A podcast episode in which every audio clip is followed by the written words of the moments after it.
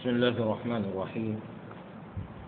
الحمد لله والصلاة والسلام على رسول الله محمد بن عبد الله وعلى آله وصحبه ومن والاه وبعد. السلام عليكم ورحمة الله وبركاته. يقول المصنف رحمه الله استطرادا في بيان الأحكام الفقهية المتعلقة بمغيب الحشفة في الفرج. ويوجب الصداقة كاملا.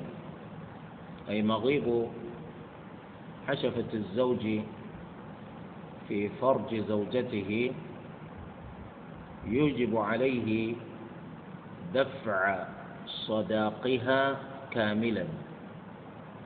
ذلك لأنه إذا دخل بزوجته وأرخى الستور فإن الصداقة يقع إيجابه بذلك. لأن الإنسان الذي دخل بزوجته ولم يحول بينه وبينها أحد فالغالب أنه في مثل هذه الحالة يقع بها والوقوع بالمرأة يتحقق بمغيب الحشفة في الفرج. ولو ادعى الزوج أنه لم يزد على ذلك لقلنا له إن الصداق بذلك قد وجب عليك بصورة كاملة. بصورة كاملة. أما إذا طلق الإنسان زوجته قبل الدخول وقد فرض لها صداقا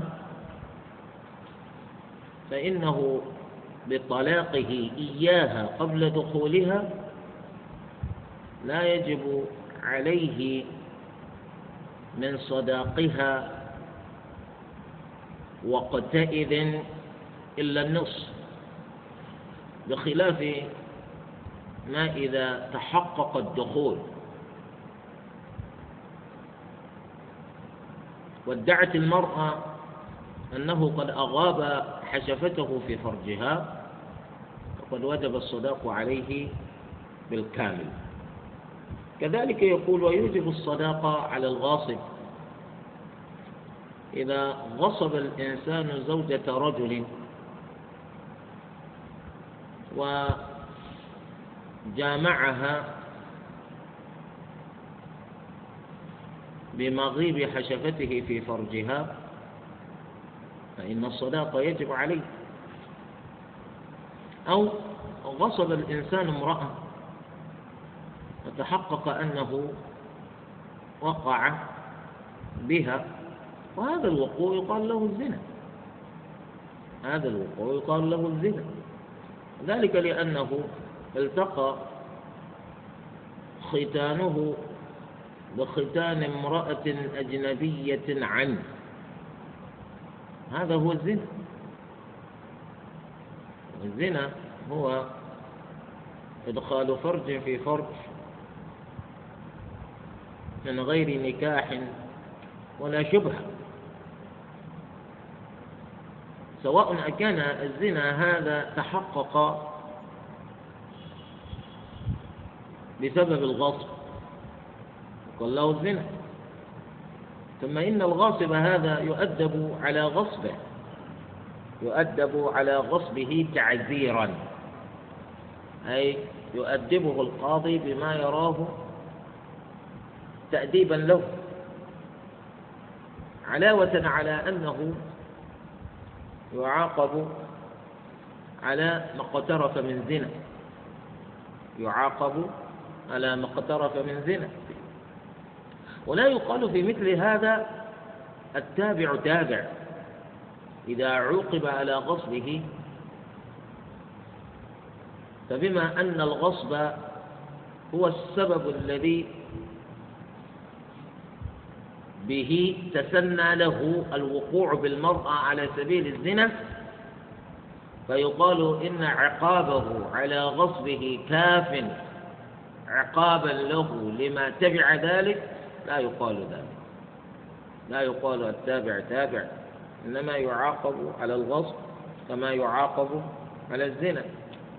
لأن الزنا عليه حد حدده الله عز وجل. ولا ينبغي أن يخالف. الزاني إذا أغاب هشفته في فرج امرأة قلنا إن الزنا يتحقق بهذا. فالمرأة هذه إذا كان هذا الشخص زنا بها بهذه الكيفية فإنه يطالب بدفع الصداق لهذه المرأة ودفعه للصداق لا يعفيه عن العقاب. وإلا لم يفكر أحد في الزنا إلا زنى بالمرأة ودفع الصداق. ف والقول بدفع الصداق من قبل الزاني لالتقاء ختانه بختان المرأة. أيضا لا يكون ذلك قولا يدعمه دليل لأن الزاني يعاقب على زناه ولا يطالب بدفع الصداق. أي صداق يدفع؟ لأنه لم يتزوج. لأنه لم يتزوج. ويصح به النكاح. إذا عقد بصداق فاسد. لو تزوج إنسان امرأة بصداق فاسد كأن يقول أنكحت نكحتك على أن يكون صداقك خنزيرا. هذا صداق فاسد. كيف تجعل صداق امرأة خنزيرا؟ الخنزير محرم. عينا. بالقرآن والسنة والإجماع. فإذا نظرنا إلى فساد ما جعل للمرأة من صداق هل نحكم ببطلان ذلك النكاح؟ لا لا لا نحكم ببطلان النكاح لا سيما إذا كان النكاح هذا إنما تم بعقد صحيح من قبل الولي وبوجود الشهود. نقول النكاح صحيح والصداق فاسد والصداق فاسد. حتى لو دخل بالمرأة أو لم يدخل بالمرأة فإننا لا نفسخ. بينهما بمجرد فساد الصداق إنما يطالب بأن يجعل مكان الصداق الفاسد صداقا صحيحا. لذلك كون الرجل تزوج امرأة بصداق فاسد ولكنه جامعها بمغيب حشفته في فرجها لا يكون مغيب الحشفة في فرجها هو القاضي بصحة النكاح. لأن النكاح يصح بما تم به من عقد صحيح من عقد زوجية صحيح. فساد الصداق لا يعود على ذلك العقد بالبطلان. لأن بإمكاننا أن نقول له يدفع صداقا صحيحا مكان ذلك الصداق الفاسد. فهمتم؟ لأنهم أدخلوا بعض المسائل وتلك المسائل التي أدخلوها قد يكون بالتكلف لأن الإنسان قد يتزوج بالمرأة بعقد صحيح إلا أنه لما يدفع لما يدفع الصداقة بعد. وعدم دفعه للصداقة لا يعود على العقد بالبطلان. إن كان العقد لم يتم على ألا يدفع صداقة. يعني هو لم يتزوج بالمرأة على أنه لا يدفع شيئا صداقة. تزوجها على أنه سيعطيها صداقها ولكنه لم لما يدفع لها الصداقة بعد. أو لما يجد ما يدفع به لها صداقة كل هذا لا يعود على عقد النكاح بالبطلان. كذلك لو أن إنسانا تزوج امرأة بصداق فاسد إذا كان النكاح قد تم بعقد زوجية صحيح يبقى العقد على صحته وإنما يطالب الزوج بدفع صداق صحيح. أما أن يقال إنما يحكم بصحة العقد إذا كان الرجل قد جامعها بمضيب حشفته في فرجها هذا شيء لا وجه له. ثم يقول ويوجب استيمار البنت إذا زوجها أبوها بعده. لأن النبي صلى الله عليه وسلم فرق بين الوسيلة التي تتبع في تزويج البكر والوسيلة التي تسلك في تزويج السيد. فقال صلوات ربي وسلامه عليه البكر تستأذن وإذنها صماته. أما السيب فتستأمر تستأمر أي نسألها الأمر بتزويجها. أما البكر نسألها الإذن في تزويجها هذه المرأة كانت بكرا وتزوج بها رجل دخل بها ولم يزد على أن جامعها بمغيب حشفته في فرجها ثم طلقها خرج فطلقها مباشرة. فبمجرد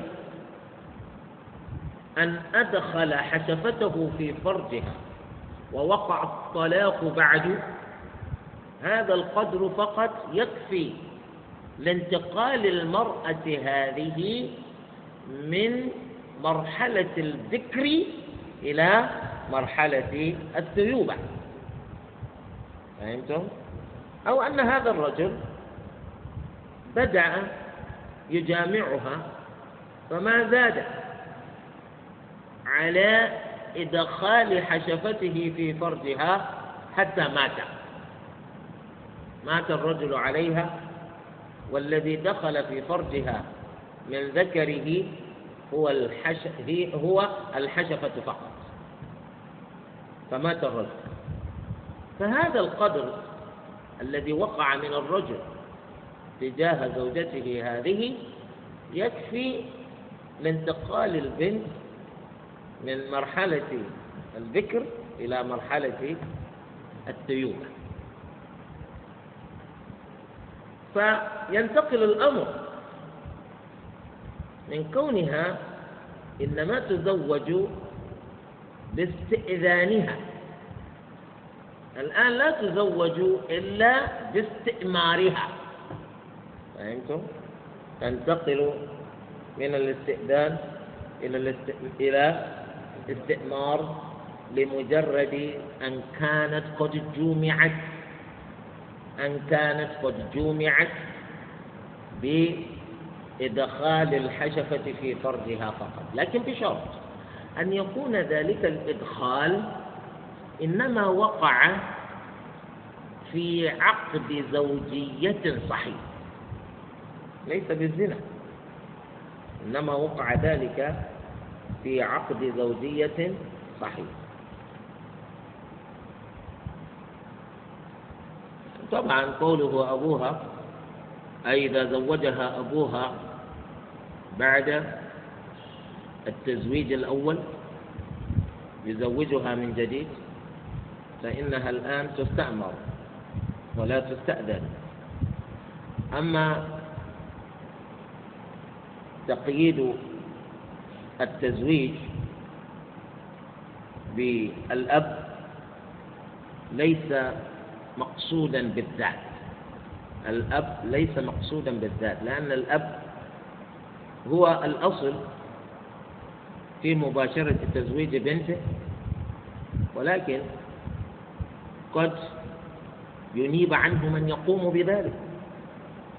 وقد يقوم به غيره إذا كان هو غير موجود لأن يكون قد مات لأن يكون مفقودا لأن يوكل غيره بمباشرة ذلك.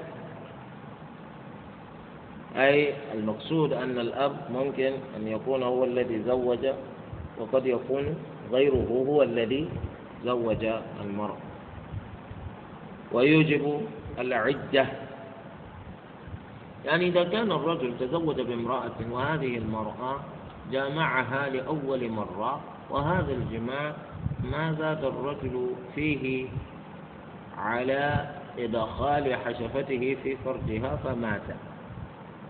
فالمرأة التي دخلت بيتك وأنت جامعته بهذا القدر تعتد. تعتد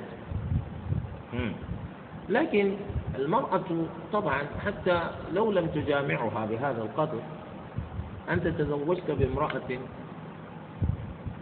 ودخلت بها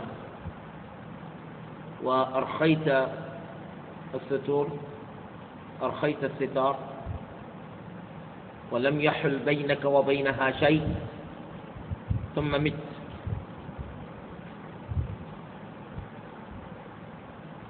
ثم مت فإننا نبني على الغالب أن المرأة هذه تعتد منك. لأننا نقول بما أنها قد دخلت فأنت قد مسستها. فأنت قد مسستها. وتطمئن قلوبنا بأن تقول المرأة إنك قد جامعتها ولكنك لم تزد على إدخال حشفتك في فرجها أو قدرها. هذا هو. كذلك هذه عدة عدة ماذا؟ عدة الوفاء. عدة الوفاء. المرأة التي تزوجتها ودخلت بها فإنها تعتد.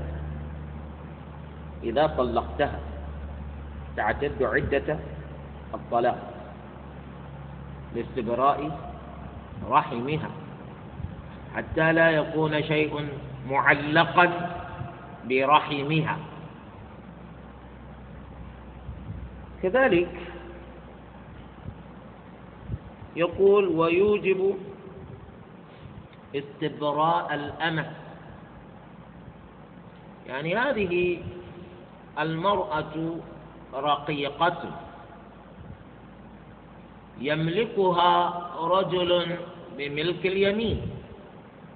وقد أباح الله عز وجل لمن ملك امرأة بملك اليمين أن يجامعها. ذلك لقول الله عز وجل والذين هم لفروجهم حافظون إلا على أزواجهم أو ما ملكت أيمانهم فإنهم غير ملومين. وهذه الأمة التي أباح الله لك جماعها قد تحصل عليها غنيمة من جهاد شاركت فيه. وقد تحصل عليها شراء أو هبة أو بطريقة أخرى. هذه الأمة قد قد قد قد جمعت قبل من غيرك. وهذا الجماع الذي جامعها به غيرك هو بإدخال الحشفة في فرجها فقط. إذا كان شخص آخر قد جامعها بإدخال حشفته في فرجها فأنت الآن أنت السيد الذي تملكها الآن لا يجوز لك أن تجامعها قبل الاستبراء. خوفا من أن يكون شيء معلقا برحمها. فلأجل هذا تستبرأ. تستبرأ بحيضة. إذا حاضت حيضة واحدة فقد استبرئت. ويوجب الاستبراء في الزنا. نعم. لو أن امرأة زنت وأراد شخص أن يتزوج بها فإنه لا يجوز لهذا الزوج أن يجامع هذه التي زنت قبل أن تستبرئ بحيضة. ولو كان ذلك الزنا لم يزد فيه من زنى بها إلا على أن أدخل حشفته في فرجها فإنها تستبرأ قبل أن يجامعها هذا الزوج. ويوجب الرجعة. إنسان طلق زوجته طلاقا رجعيا. أي طلاقا واحدا أو طلقتين. لأن كانت المرأة رجعية أي لك أن تراجعها إن شئت. هذه أنت قد طلقتها ولا زالت مطلقة إذا بك تجامعها. جامعتها ولكنك لم تزد على إدخال حشفتك في فرجها ثم خرجت. نقول هذا الفعل منك هو الرجعة لماذا تجامعه وهي بسبيلها إلى الخروج وهي بسبيلها لأن تكون أجنبية منك. ولماذا جامعتها؟ يقول لا, لا, لا أنا أنا بس يعني اشتقت إليها. ها؟ أي شوق هذا؟ أي شوق هذا؟ أنت تشتاق إلى امرأة طلقتها؟ ألم تكن راغبة عنها؟ رغبتك عنها هي التي جعلتك تطلقها. وفعلك هذا هو فعل الأزواج للزوجات. حتى و و وليس بإمكاننا أن نهمل المعنى الذي في فعلك. فإعمال هذا المعنى معنى أولى من إهماله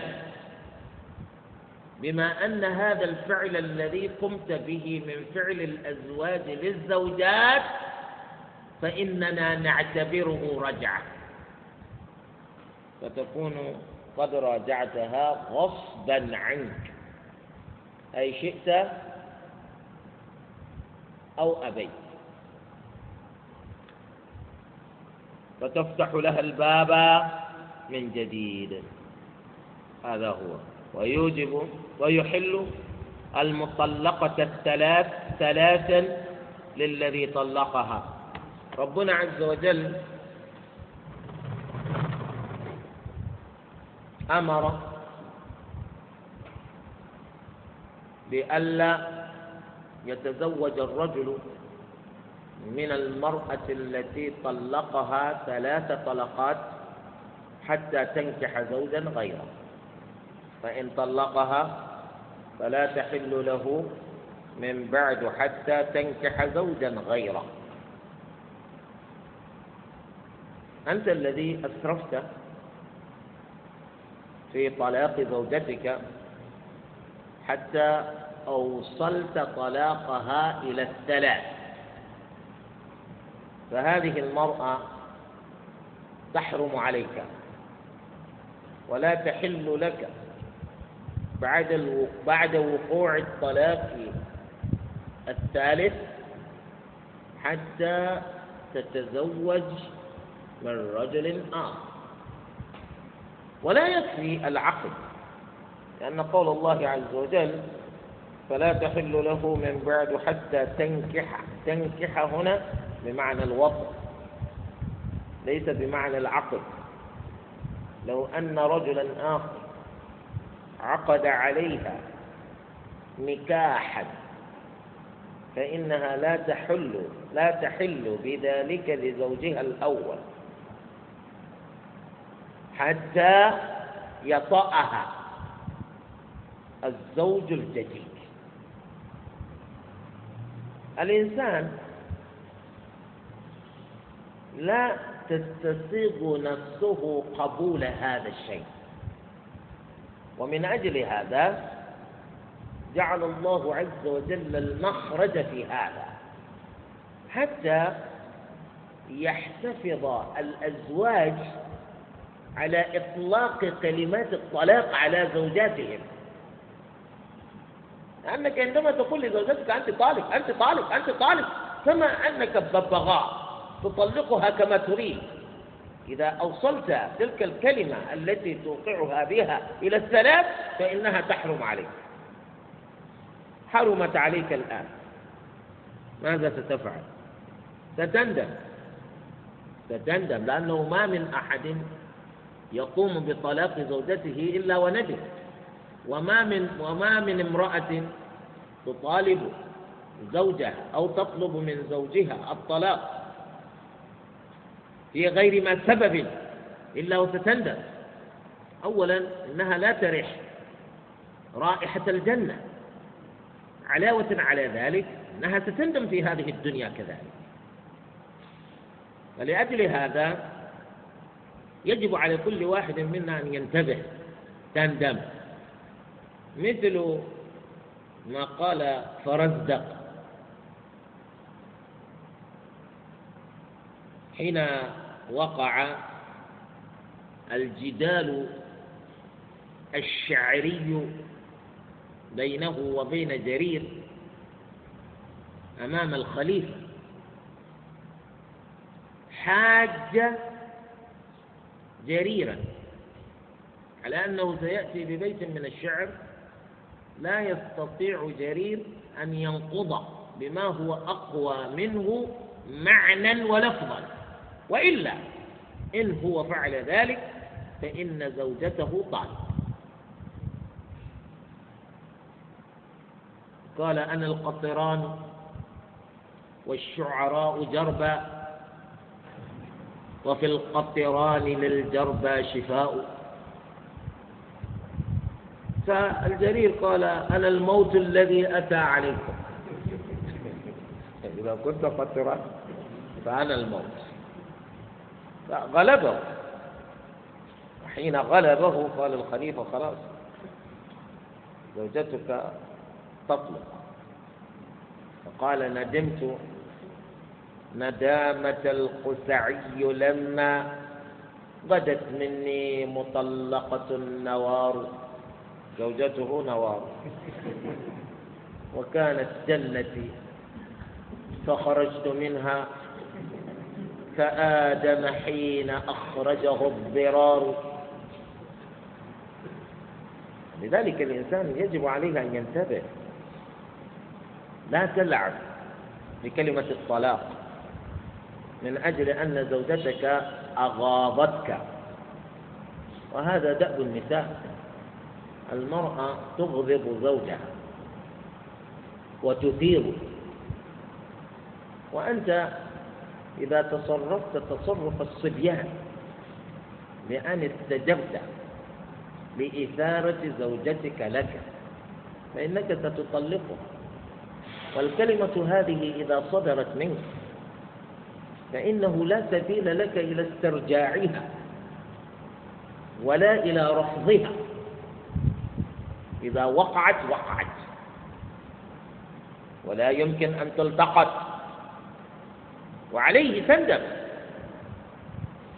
ولأجل هذا ربنا أعطاك الفرصة في استرجاع زوجتك إذا طلقتها طلاقا واحدا. وجعل لك الفرصة في رجعتها. إذا كانت الطلقة طلقتين. كذلك قال الله عز وجل الطلاق مرتان. والثالثة يا ربنا. الطلقة الثالثة. هي هي أيضا طلقة يا ربنا. لكن ربنا يقول الطلاق مرتان. يعني لك فرصة فيما إذا طلقتها واحدة أن تراجعها ثانية أن تراجعها ولذلك ربنا الطلاق مرتان. فإمساق هذه الثالثة. فإمساق بمعروف أو تسريح بإحسان. إذا إذا كنت لا تستطيع أن تعيش معها بسلام ف خلي سبيلها. لتغادر حياتك بإحسان. لكنك إذا طلقتها بعد ذلك فأوقعت الطلاق الطلقة الثالثة فاعلم أنها قد حرمت عليك أبدا حتى تنكح زوجا غيره ولماذا ربنا جعل الأمر كذلك؟ حتى لا تطلقها. ولذلك نحن نقول الحديث الذي ذكر النبي صلى الله عليه وسلم قيل إن النبي صلى الله عليه وسلم قال فيه أبغض الحلال إلى الله الطلاق هو حديث لا يثبت. ولكن بعموم النظر في الشريعة في الكتاب وفي السنة تجد أن مبنى النكاح في الوجهة الشرعية مبنى النكاح على البقاء أبدا. فربنا عز وجل إنما شرع للرجال أن يتزوجوا بالنساء ليبقوا حتى الممات. ليس لأن تتزوجها إلى فترة وتدعها لغيرك لا. إلا إذا استعصى الأمر ولم تستطيعوا أن تصلحوا ما بينكما أي لم تستطيع أن تصلح ما بينكما. ولم يستطيع المصلحون أن يصلحوا ما بينكما في ذلك الوقت. يمكنك أن تطلقها ولكن في الغالب إذا طلق الإنسان امرأة فإنه يندم والمرأة تندم أكثر. إذا كان الرجل يندم فالمرأة تندم أكثر. سواء كان بينكما أولاد أو لم يكن بينكما أولاد المرأة تندم أكثر. إذا رجل آخر تزوج بامرأة طلقتها ثلاثا. هذا الزواج فقط هذا النكاح لا يبيح لك الرجوع إليها بالنكاح. لا تحل لك حتى تنكح زوجا غيرك. والمراد بالنكاح هنا الوطن. يذوق الرجل الجديد عسيلتها وتذوق زوجتك السابقة عسيلة الرجل. والله مشكلة. أي الناس يريد من أحد أن يتفرج على فرج زوجته؟ من الذي يريد هذا؟ مجنون أنت. كل الناس يعني أنت لا تريد من الناس أن ينظروا إلى وجه زوجتك فضلا عن فرجها.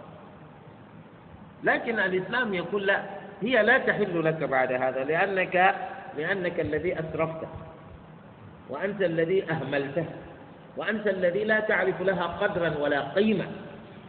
فمن أجل هذا الشريعة تقول لك هذه المرأة التي طلقها طلقتها ثلاثة لا تحل لك بعد حتى تنكح زوجا غيره. والمراد بالنكاح هنا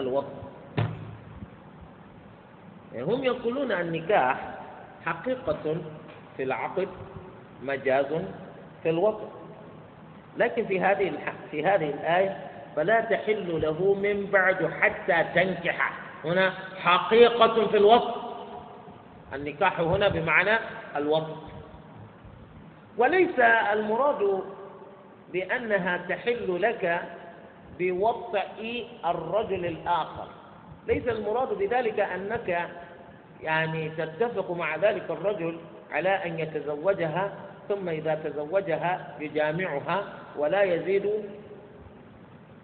على أن يدخل حشفته في فرجها. وبمجرد أن يدخل حشفته في فرجها فليخرج ثم يطلقها لك. لا. يعني الحياة ليس ليست فسادا ولا فوضى. هو تزوج زوجة وسيعيش مع زوجته إلى الأبد. فهمتم؟ يجامعها مليون مرة أكثر من مليون مرة يعني يعيش مع زوجته. أنت ما علاقتك بها. أنت رجل أجنبي. لماذا تتدخل في شؤون الناس؟ ما علاقتك بها.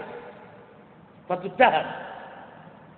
تتهم لأنك تريد بها فسادا فلأجل هذا الرجل هذا يعيش مع زوجته أبدا. اللهم إلا إذا وقع النزاع بينهما ورأى الرجل أن يطلقها ممكن بعد عشرين سنة بعد ثلاثين سنة. فإذا طلقها لك أن تتزوجها. لكن أن يكون اتفاق موجودا بينك وبين ذلك الرجل الجديد على أن يتزوجها ويطلقها بمجرد أن يجامعها بإدخال حشفته في فرجها حتى يتسنى لك الزواج منها من جديد فتكون بذلك ملعونا وهو ملعون. فهمتم؟ لأن النبي صلى الله عليه وسلم يقول لعن الله المحلل والمحلل له. أي إذا تزوجها بقصد أن يحللها لك لعنه الله. وأنت الذي حلل المرأة لك. لعنك الله. فالنبي صلى الله عليه وسلم بهذا يبين لنا صراحة أنه يجب عليك ألا يكون لك مطمع في تلك المرأة بعد. لماذا تطمع فيها بعد؟ أنت الذي طلقتها وقد كانت لك. مئة في المئة. طلقتها وأسقطت في ذلك الطلاق. حتى إذا أكملت ما لك من طلاقها تزوج بها غيرك. والحمد لله. لماذا تتدخل في شأنها وزوجها الجديد؟ تطلب من هذا أن يطلقها وله كم مليون؟ لماذا أطلق زوجتي يا رجل؟ أنت تقول زوجتي نعم زوجتي. ليست زوجتك بعد.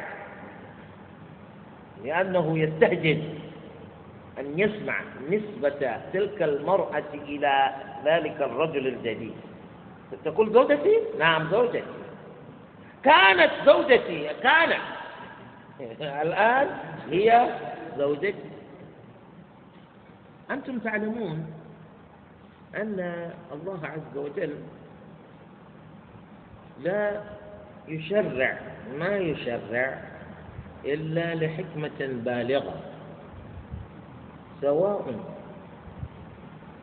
أتبينت لنا تلك الحكمة أم لم تتبين لنا. والله أعلم من الحكمة أن الإسلام لو لم يوضح لنا أن الله لعن المحلل والمحلل له لوقع في الأرض فساد كبير. أنتم تعلمون أن الإنسان إذا طلق زوجته ثلاثا فبانت منه بينونة كبرى ثم تزوج بها رجل آخر وجامعها ثم طلقها ثم عاد ذلك الزوج الأول فتزوجها من جديد. يكون لذلك الزوج الأول الذي تزوجها من جديد يكون له عليها ثلاث طلقات أخرى. يكون له عليها ثلاث طلقات أخرى جديدة. فتصير له زوجة جديدة. وهل تعلمون أن الإنسان هذا إذا كان قد اتفق مع الرجل الذي تزوجها بعد طلاقه إياها ثلاثا إذا كان إنما تزوجها باتفاق بينهما وطلقها باتفاق بينهما وقد تحقق أن ذلك الرجل الآخر جامعها فعلا ولم يخفى الأمر على الزوج الأول وإن طلقها له ليتزوجها من جديد فإنه لا تروق نفسه ولا يطمئن قلبه أن ينظر إلى ذلك الرجل وهو يمشي على الثرى من غير أن يقضي على حياته. لأنه سوف يقول هذا الرجل الآن إنما يضحك إذا رآه يضحك إنما يضحك لما استمتع به من زوجتي. بعد أن بانت مني وتزوجها. فإذا رأى ذلك الرجل يمزح مع زملائه. ربما يقول إنما يمزح بما رأى من زوجتي إنما يستهزئ بي. فبالتالي سوف يحاول جاهدا أن يقتله لأنه إذا قتله فكل ما علق بعقله يزول بزواله وبموته فيرتاح يقول هذا الذي قد سبق أن جامع زوجتي. أين هو الآن؟ فيقول والحمد فالحمد لله. مجرم كمان. يحمد الله. فمن أجل هذا إذا علمت أن الله لعن المحلل ولعن المحلل له فإنه سوف لن تجد أحدا يجرؤ أن يحلل المطلقة الثلاث لزوجها الأول. نعم. ثم ويوجب الخيار للتي يشرط لها زوجها ألا يتسرى عليها. يعني هذا الرجل تزوج بامرأة ولكنه كان قد ولكنها كانت قد اشترطت كان زوجها قد شرط له حين تزوجها من تلقاء نفسه أنه لا يتزوج عليها غيرها. الرجل هو الذي شرط على نفسه هذا الشرط الفاسد. طبعا يكون شرطا فاسدا لو أتى من المرأة. لو أن امرأة قالت لزوجها للرجل الذي يريد أن يتزوج بها أنا أتزوجك على ألا تتسرى علي. لا تتزوج علي. نقول هذا شرط باطل. لأن الله عز وجل أباح للرجل أن يتزوج أربعا. وهو شرط لا قيمة له. وتضييع للوقت إذا صدر من الرجل. الرجل يقول للمرأة أنا أتزوجك على ألا أتزوج عليك غيرك. يعني من الذي طلب منك أن تقولها لأنك لا تدري ما الذي قدره الله عز وجل لك. هل تتزوج في حياتك أكثر من مرأة أو إنما تكون قاصرا على امرأة واحدة. أنت لا تدري. فالرجل هذا هو الذي شرط لزوجته ألا يتسرى عليها. فإذا به تسرى. ولم يزد على إدخال حشفته في فرج امرأة أخرى. إذا للزوجة الخيار لها. الزوجة الأولى لها الخيار. أنت الذي قلت لا تفعل وقد فعلت. أنا أمشي. أنا أصبر. لها الخيار. لها الخيار.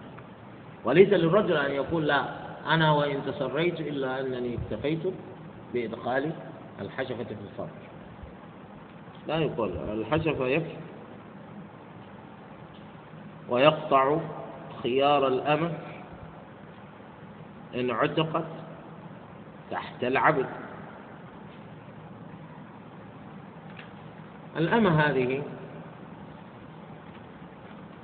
تزوج بها الأمة هذه كانت زوجة. كانت زوجة لرقيق مثلها. هي رقيقة وزوجها رقيق. فعتقت ولا زال زوجها رقيقا. إذا صارت المرأة حرة والزوج عبدا طبعا للحرة أن تكون زوجة للعبد إن هي رضيت هذا حقها ولها أن ترفض تخير في البقاء والفراق. المرأة هذه لها الخيار في البقاء أو الفراق إلا أنها سمحت لزوجها الرقيق أن يجامعها وقد كان لها الخيار. فالخيار هذا يبطل بإدخال الزوج حشفته في فرجها. إذا تبقى زوجة له شاءت أم أبت؟ إذا لابد أن يكون لدى لدى الناس أي المسلمين قدر ولو كان يسيرا من الفقه. كما في حديث البريرة بريرة هذه أمة عتقت عتق عتقتها عائشة اشترتها عائشة وعتقتها فلما عتقت كلمها النبي صلى الله عليه وآله وسلم في البقاء مع زوجها الرقيق. فهي تقول آه هذا الذي يقول النبي صلى الله عليه وآله وسلم أمر أم مشورة؟ إذا كان ذلك أمرا وأطيعوا الله وأطيعوا الرسول وحده. إذا لم يكن أمرا فأنا أفارقه أفارقه. النبي صلى الله عليه وسلم يقول ليس أمرا. آه إذا أنا أفارقه. فذهبت لأن المرأة هذه إذا تساهلت حتى جامعها الرجل أبطل أبطل عليها حقها. هذا هو.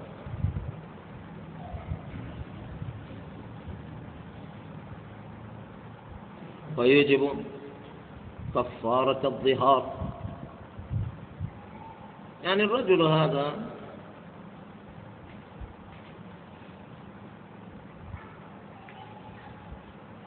ظاهر من زوجته ظاهر من زوجته فقال لها أنت علي كظهر أمي أي إن هو جامعها بعد فكأنما يجامع أمه. وهذا الظهار لا يجوز له أن يرجع إلى زوجته ليجامعها إلا بعد الكفارة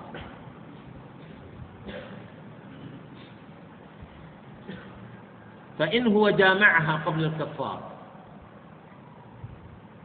طبعا هو بالخيار إن لم يكفر عن الظهار تحرم عليه المرأة. الآن جامعها وقد قال ذلك الكلام الفاسد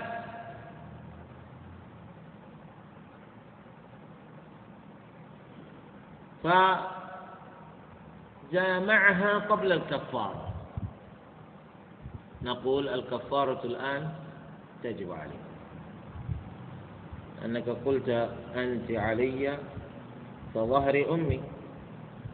وأنت الآن تجامع أمك. يجب عليك الكفارة. كذلك ويجب ابتداء كفارة الظهار إذا وطئ بعد أن شرع فيها. يعني الرجل هذا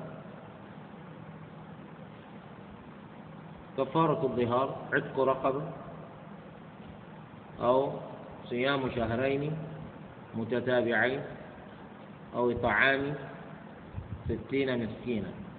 هو اختار الصيام. فبينما هو يصوم كفارة عن الظهار صام عشرين يوما فجامعها قبل أن يكتمل الصيام. نقول يبتدئ من جديد. يستأنف يبدأ من جديد. فإذا وصل إلى أربعين في المرة الثانية صام أربعين يوم فجامعها. يبدأ من جديد.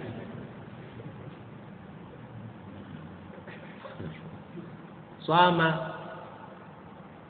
خمسة وخمسين يوما. فلما يستطع أن يصبر فجامع زوجته. يبدأ من جديد. يستمر على ذلك حتى يرجع إلينا عيسى عليه السلام. فإن عدتم عدنا. لا بد أن تنتهي من الكفارة قبل أن تعود. ها.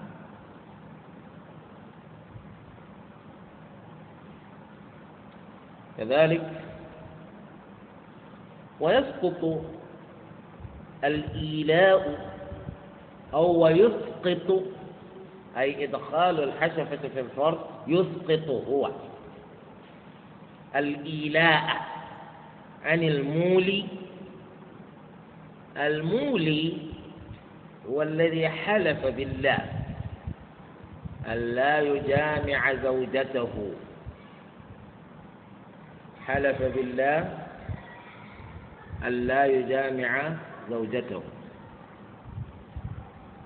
للذين يؤلون من نسائهم تربص أربعة أشهر.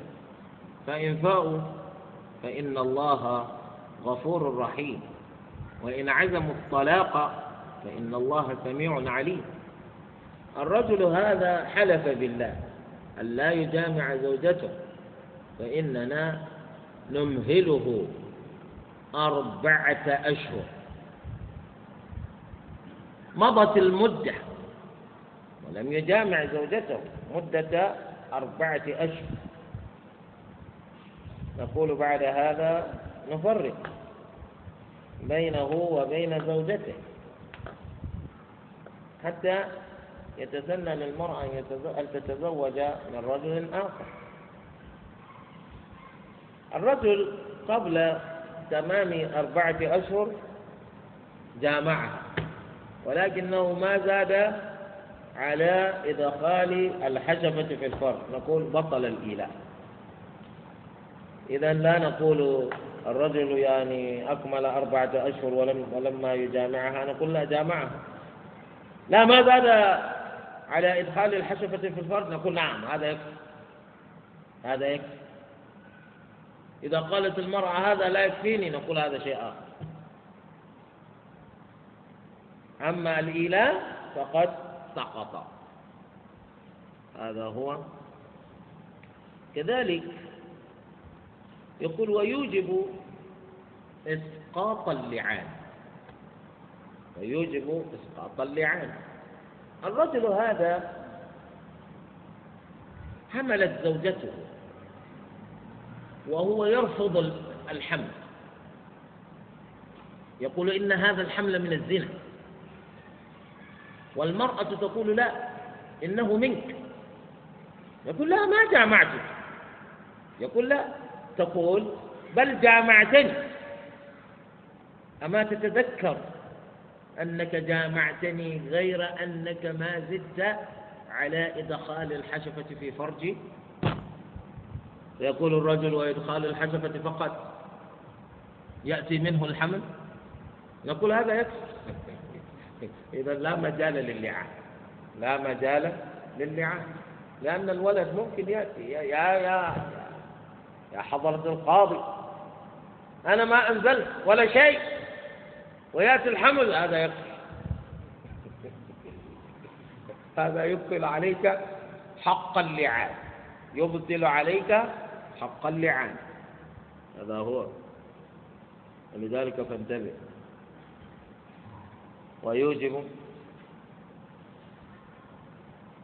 ويوجب الحد على الملاعن إذا وطأ بعد بعد الدعوة. يعني الرجل هذا ادعى على زوجته الزنا. وتلاعنا. بعد التلاعن إذا به يجامعها. لأنه بعد التلاعن يفرق بينهم يفرق بينهما. ولا ينسب إليه الحمل.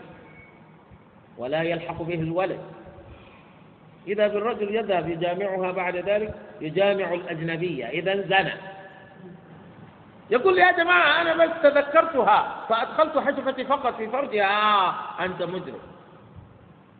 فبهذا يحد. يحد لأنه بإدخال حشفته في فرجها بعد التلاعن ثبت بذلك أنه زنى. لأن المرأة صارت أجنبية منه ويسقط نفقة البنت عن أبيها إذا طلقت. بنتك تزوجت وزوجها جامعها. فصارت بذلك سيبا. والجماع هذا هو بمجرد إدخال الحشفة في فرجها فطلقها. ثم عادت البنت لتسكن عندك قبل أن تجد زوجا آخر يقولون بهذا بإدخال الحشفة في فرجها من قبل زوجها ذلك تسقط نفقتها عنك. فهمتم؟ لا تكون هي البنت التي يجب عليك أن تنفق عليها. لا تكون هي البنت التي يجب عليك أن تنفق عليها. لماذا؟ لأنها الآن صارت سيبة. صارت سيبة. طبعا ليس معنى ذلك أنك لا تنفق عليها البتة. لكن ليس إنفاقك عليها الآن يقع على سبيل الوجوب. إنما يكون من باب التفضل من باب التفضل والإنعام على بنتك. لكن ليس واجبا بمعنى ليس لها الآن أن تأتي وتقول أبي أنت أهملتني أبي أنت لا تنفق علي أبي أنت تريد مني أن أذهب وأزني قبل أن آكل أبي. أنت تقول لها ومن الذي منعك من أن تجلسي مع زوجك؟ ومن الذي منعك أن تتزوجي برجل آخر؟ إذا طلقك رجل ليس معنى ذلك ألا رجال بعد في الدنيا. فهمتم؟ لكنك إذا قلت يجب علي أن أنفق عليها لأنها بنتي ربما تجلس في بيتك حتى تموت وتقول أنا لا أرغب في الزواج بعد هذا. فهمتم؟ ولذلك الفقه هذا دقيق. يعني لأنهم إذا قالوا يجب عليك أن تنفق عليها فقد طلقت. ربما تجلس وتقول أبي أنا حقيقة أنا يعني يعني أصابتني الخيبة في أمر الرجال هؤلاء. ما أريد أن أتزوج بعد ذلك. يعني الرجل يطلق زوجته في في ليلة الزفاف. يعني أمر غريب. مجانين الرجال هؤلاء. فيقول أبوها أنا أيضا مجنون على قولك. إذا نفقتها لا يجب على أبيها. ولا تنسون أيضا أن الأب هذا هو لما زوجها من الرجل الأول. الرجل الأول أعطاها صداقا صح؟ أنفقي من صداقك. لماذا يعني تنتظرين من الأب أن ينفق عليك؟ ماذا ينفق عليك؟ هذا هو. ويصح به البيع الفاسد في الجارية. أي لو باع الإنسان جارية أمة بيعا فاسدا وكان هذا الرجل الذي اشتراها قد جامعه. نقول خلاص.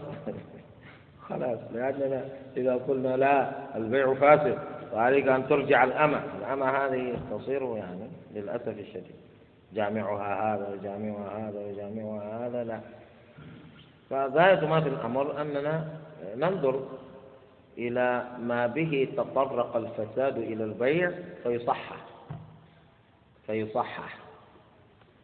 يسقط به الخيار في بيع الأمة. يعني آه الإنسان يقول أنا لا أدري هل سأشتري هذه الأمة أو لا أشتري هل أدفع هذه القيمة عن هذه الأمة أو لا أدفع هذه القيمة عنها أو هل أشتريها أو لا أشتريها. يقول أنا أريد أن أذهب بها إلى بيت. أنظر هل تستطيع أن تطبخ؟ هل تستطيع أن تنظف البيت؟ نعم هكذا يقول. ليس معنى ذلك أنه سيجامعها. لكنه لما أوصل بها إلى بيته رأى فيها ما رغبه فيها. فيقول تعالي. فأتت إذا به يجامعه بإدخال حشفته في فرجها. ثم ثم ثم يعود بها إلى الباعث. فيقول أنا لا أريدها. فتقول الأمة وقد جامعني. جماعة لها يبطل خياره. الكلام عن الخيار ما الخيار؟ يبطل. لأنه يقول أنا اشتريتها بخيار الشخص. أنا أنظر فيها ثلاثة أيام إن كانت تصلح ما تصلح أنا أردها نعم لك أن تنظر في هل تصلح ما تصلح من غير جماع. جامعتها بطل خيار الشرط هذا. ويسقط القيام بالعيب في الأمة ويسقط اعتصار الأب في الهبة. ويوجب القيمة في هدية الثواب فذلك خمسون حكما. خمسون دون ما ذكره غيره من أحكام. فالإمام السيوطي رحمه الله قد أوصل هذه الأحكام إلى ما يزيد على سبعين حكما في كتابه الأشباه والنظاهر أوصل هذه الأحكام إلى ما يزيد على سبعين سبعة وسبعين حكما تقريبا. نكتفي بهذا القدر. على كل حال نجد أن فقهاء الإسلام إنما يتكلمون في هذه الأشياء من باب أن الشريعة الإسلامية شريعة كاملة شاملة. فإذا أعياك أمر تريد أن تعرف حكمه في شريعة الله فدونك كتب الشريعة كتب الفقه فإنك ستجد بغيتك فيها. فإنهم قد بينوا وفصلوا وأوضحوا وبينوا. فرحمهم الله رحمة واسعة. فهذه الأحكام المذكورة الفقه بها أو هذه المسائل المذكورة الفقه بها من الأهمية بمكان في باب القضاء وفي باب الفتوى. في باب القضاء وفي باب الفتوى. نسأل الله عز وجل أن يزيدنا علما وأن يبارك لنا فيما علمنا. سبحانك اللهم وبحمدك أشهد أن لا إله إلا أنت أستغفرك وأتوب إليك